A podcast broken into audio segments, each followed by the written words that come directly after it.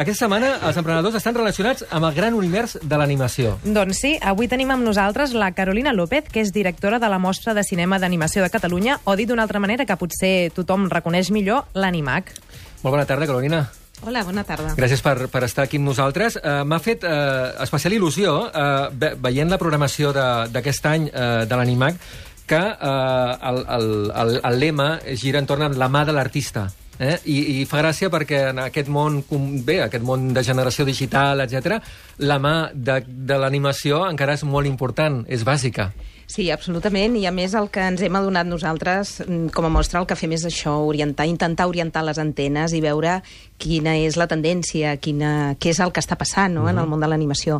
I ens hem adonat que hi ha molta i molta gent jove que han crescut, tota la generació aquesta digital, que han crescut Sí. ja amb l'ordinador, amb el teclat a la mà, i que tornen aquestes tècniques manuals. Això, diguéssim, per una banda. O sigui, que, que gent molt jove d'escoles de tot el món o independents, mm, més d'un 80% de les obres que ens han arribat per entrada oberta aquest any a l'animat que estan fetes a mà, amb tècniques de dibuix animat, de, el stop motion, bueno, ara torna a posar-se molt de moda el, el, aquesta tècnica, diguéssim, de, de fotograma a fotograma, però també el que volem celebrar amb aquesta mà de l'artista és tots aquells processos eh, analògics o tota aquella empronta de l'artista en els processos digitals. Uh -huh.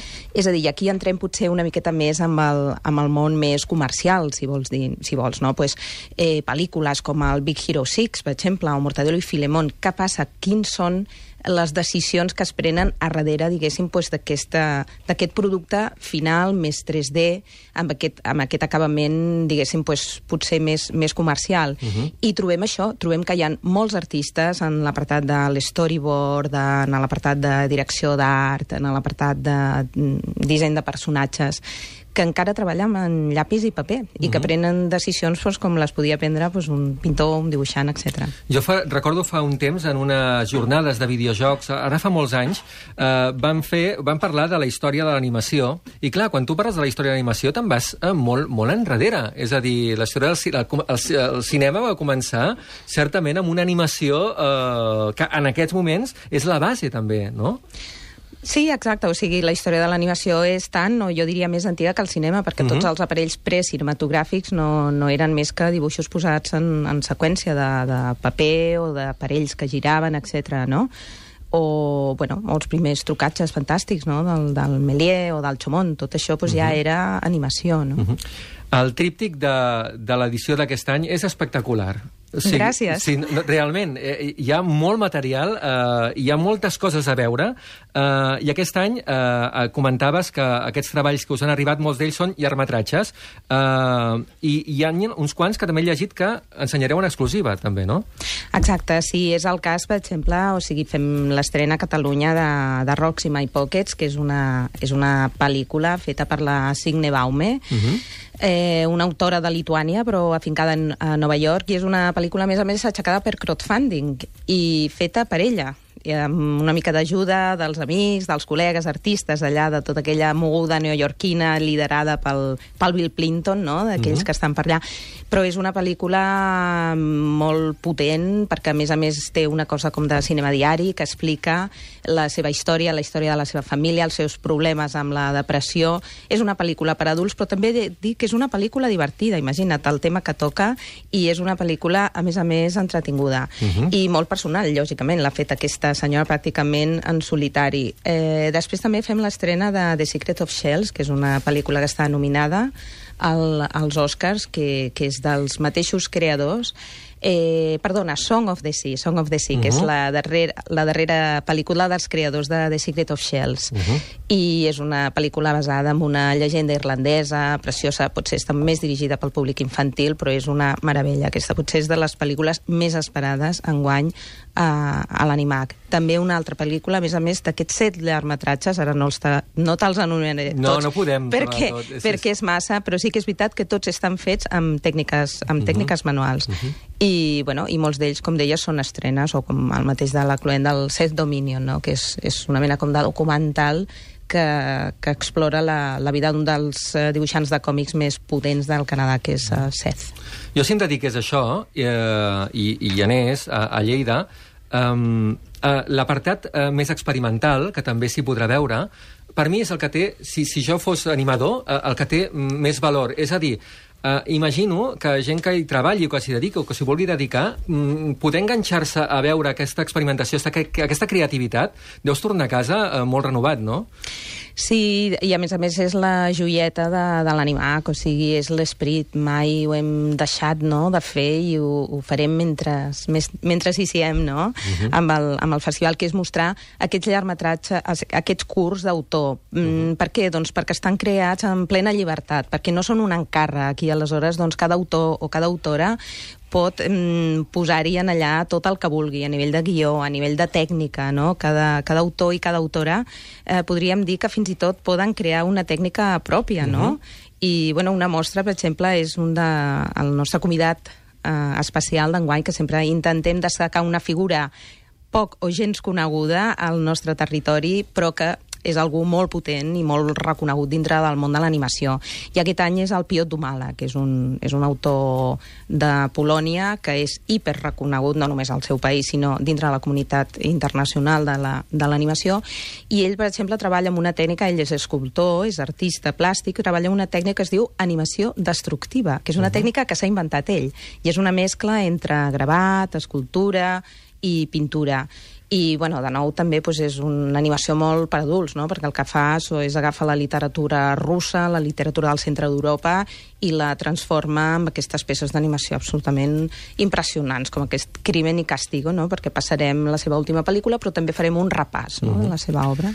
Pau Fan, tu que ets profe, això t'encantaria. Uh, una de les parts importants de, de l'animac és a les escoles, és a dir, la, la quantitat de nens que hi van a veure uh, animació. Això uh, suposo que pels... Bueno, tu ja són grandets, són grandets eh, sí. eh? però, però segurament és important també veure tècniques uh, o mm, creacions uh, d'animació. Mm. És molt important agafar referents. De fet, és una de les coses que més els hi falla, perquè els ensenyes tècniques i les agafen, les aprenen, però no, els, hi fa, els hi falta base de cultura digital i audiovisual, diguéssim. Eh? I per tant, veure coses, veure mostres de pel·lícules i d'altra gent que fa coses, és molt necessari. Mm -hmm. És el que més intentem impulsar, perquè és que si no es queden a dins de l'aula i, no, i no veuen món, diguéssim. Ja dir que sí, sí. I que venen a escoles directament? Sí, sí, sí. Enguany bueno, hem batut els rècords de nens que s'han apuntat, perquè no només ensenyem les pel·lícules, aquestes pel·lícules que estan fora de tots els circuits, diguéssim, de tele, de, de cinema, del que sigui, perquè són pel·lis molt independents, no? Però aquest any esperem 7.000 nens i nenes oh, escolars.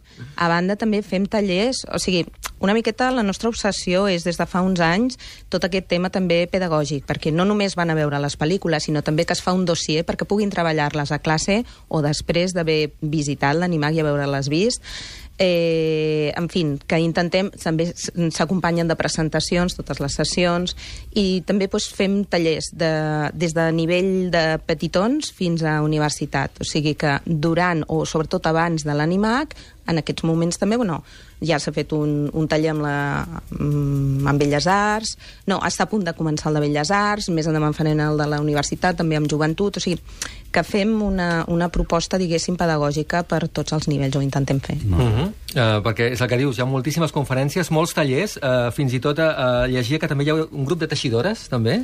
Sí, això ha estat molt divertit, perquè la imatge d'enguany, que la fa, com sempre, com tots els anys, el Carles Porta, que a mi m'encanta, uh -huh. doncs aquest any ens ha fet, com que el tema era la, la mà de l'artista, ens ha fet com una mena d'animals molt sí. estranys, molt xulos, net, amb aquesta estètica brut, no? una sí. miqueta outsider, i que porten com uns jerseis que estan com malament teixits, no? Sí. però porten com jerseis. I aleshores, bueno, vam pensar que seria divertit penjar l'elefant, un d'aquests animals, en gran allà a la llotja, ah. que és un edifici preciós, i que, esti, i, i que estigués també vestit doncs, de, amb aquest jersei. No? Hi ha un grup de, de teixidores a Lleida que es diuen les Hildes, que són molt guerrilla girls, no?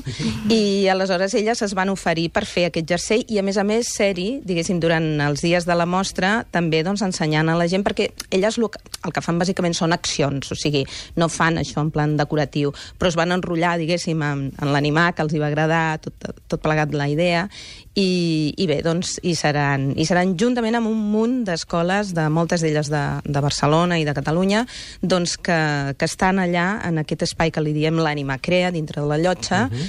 ensenyant diverses tècniques, des de les més manuals a les més digitals, diverses tècniques d'animació, perquè la gent pugui experimentar l'animació en primera persona. Uh -huh. En aquesta edició comenceu eh, amb un nou Premi Trajectòria, a més, eh, que va parar a un estudi que ha fet moltíssim en aquest univers i que són al carrer Badal de Barcelona. Welcome to Hotel Transylvania. It's a place I built for all those monsters. High. Aquí, si poséssim trailers de totes les col·laboracions que ha fet aquest estudi, doncs estaríem tot el dia, segurament, uh, que és l'estudi uh, uh, Grangel, no? Sí, és correcte. Uh, I suposo que era lògic començar per ells, no? Exacte, jo, mira, a mi m'agrada dir-los el petit estudi dels grans projectes, perquè és un estudi molt petit, com dius, estan aquí al costat de l'Hospitalet a Barcelona, al carrer Badal, són els germans Grangel, el Carlos, el Jordi i el senyor Burgès, o sigui, són tres persones, més una persona d'assistència, quatre persones, i des d'aquí han fet els dissenys de personatges de pel·lícules com La nòvia cadàver, per Tim Burton, eh, Kung Fu Panda, El príncipe d'Egipto, you name them, com diuen els anglesos. Vull dir, han fet, han treballat, són els nens mimats de, de DreamWorks, i per això els deixen treballar a Barcelona, perquè diu que ells no els hi agrada treballar a Los Angeles. Aleshores, treballen des de Barcelona perquè com a artistes volen estar en un lloc on estiguin inspirats, on se sentin a gust, i és a casa seva. I, i sí, que era, sí que era lògic, perquè allò de que ningú no és profeta a la seva terra, això també és veritat. O sigui, els germans Grangel no és que treballin als Estats Units perquè només vulguin treballar als Estats Units, és perquè eh, només troben treball i el reconeixement realment que mereixen als Estats Units. I, i per això nosaltres doncs, eh, vam pensar que seria, que seria bo començar aquest premi, aquest reconeixement a la trajectòria, justament a l'any que fan 25 anys dedicats a, al disseny de personatges per produccions d'animació. Uh -huh.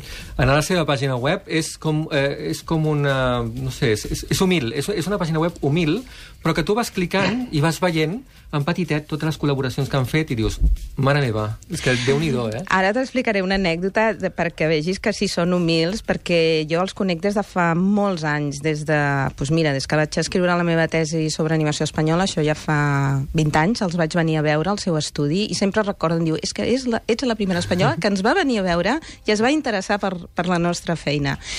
I, I aleshores, quan estaven treballant a la nòvia cadàver, diu, diu, ostres, Carolina, saps què ens ha passat? Diu que ens ha trucat el John Lasseter perquè volia que, que treballéssim a la seva propera producció i li hem hagut de dir que no, perquè, clar, som un estudi petitó, volem fer les coses ben fetes, i això del Tim Burton ho volem fer molt ben fet.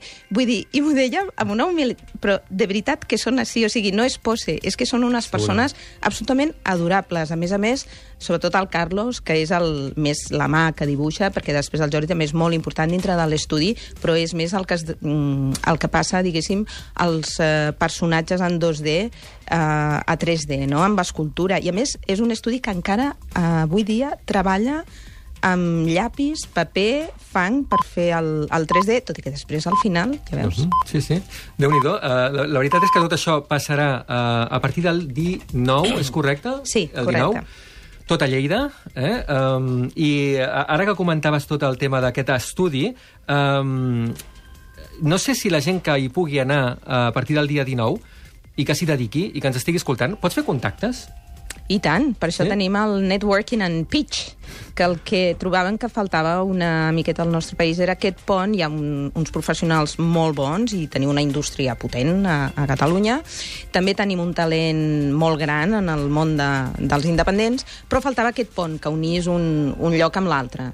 I per això vam crear el Networking and Pitch, on hi ha diverses activitats, entre elles, per exemple, aquest Incubator, que com uh -huh. el seu nom ja et suggereix, és per projectes que estan en fase de desenvolupament, de producció, de gent molt emergent, de gent que abans de llançar-se als grans mercats, sobretot francesos, doncs, que són més costosos i que segurament requereixen una experiència que encara no tenen, doncs a Lleida els acollim, els acompanyem, portem de la mà grans professionals perquè els hi aconsellin i els hi, mm, bueno, perquè revisin aquests projectes i els hi donin doncs, el seu consell. Uh -huh. I aquest any hem tingut tants incubators que en principi era una activitat que fèiem només un dia i l'hem hagut d'ampliar a dos dies. Molt bé. Els preus populars. L'incubator és gratis, totalment. Sí, sí, i, i Animac en general... I Animac, en general, és, són preus populars, sí, sí. He vist que 7-9 euros, no?, aproximadament, i depèn dels dies que puguis anar, feu com paquets, no? Ah, exacte, després també et pots acreditar, si ets professional també hi ha un descompte, vull dir que, que sí, que el preu no sigui diguéssim, l'impediment per assistir-hi a l'Animac. I a Lleida heu notat que hi hagi eh, interès a través d'aquestes edicions a l'Animac perquè creixin empreses de, eh, que s'hi dediquin? No ho connecten de prop, que, eh, això. O sigui, sí Allà que hi ha... encantat, l'Ajuntament deu estar encantat, això segur. No ho sé, pregunta'ls espero. espero que sí. Sí que es nota, sí que es nota, perquè, clar, tot això, vulguis que no, doncs va, va creant, diguéssim, doncs, tota una generació, no?, i es comencen a bellugar coses, tot i que, clar, vull dir que aquí seria, diguéssim, una altra, una altra xerrada, no?, el, el començar diguéssim, realment analitzar no, la situació de... Uh -huh. Perquè ara fins i tot, vull dir, a Barcelona, que és una ciutat on està molt establerta eh, la indústria, eh, ho estan passant molt malament, vull dir, perquè són uns temps bastant, bastant complicats, no?, uh -huh. per tothom, també. Molt bé, doncs eh, és la Carolina López, que és directora de la Mostra de Cinema d'Animació de Catalunya, eh, l'Animac, que el tindrem a Lleida eh, del 19 al 22 de febrer, eh, 19a edició, any vinent, vintena, eh? Això és un número rodó, no sé si hi ha alguna cosa que esteu pensant. No, impossible, no? A tres dies és impossible. Però bé, jo recordo, eh, no sé si va ser el Sonar, els 20 aniversari, era important. Era gran. Sí. Alguna cosa farem. Molt bé, molt bé. Moltíssima sort a vosaltres, moltes gràcies.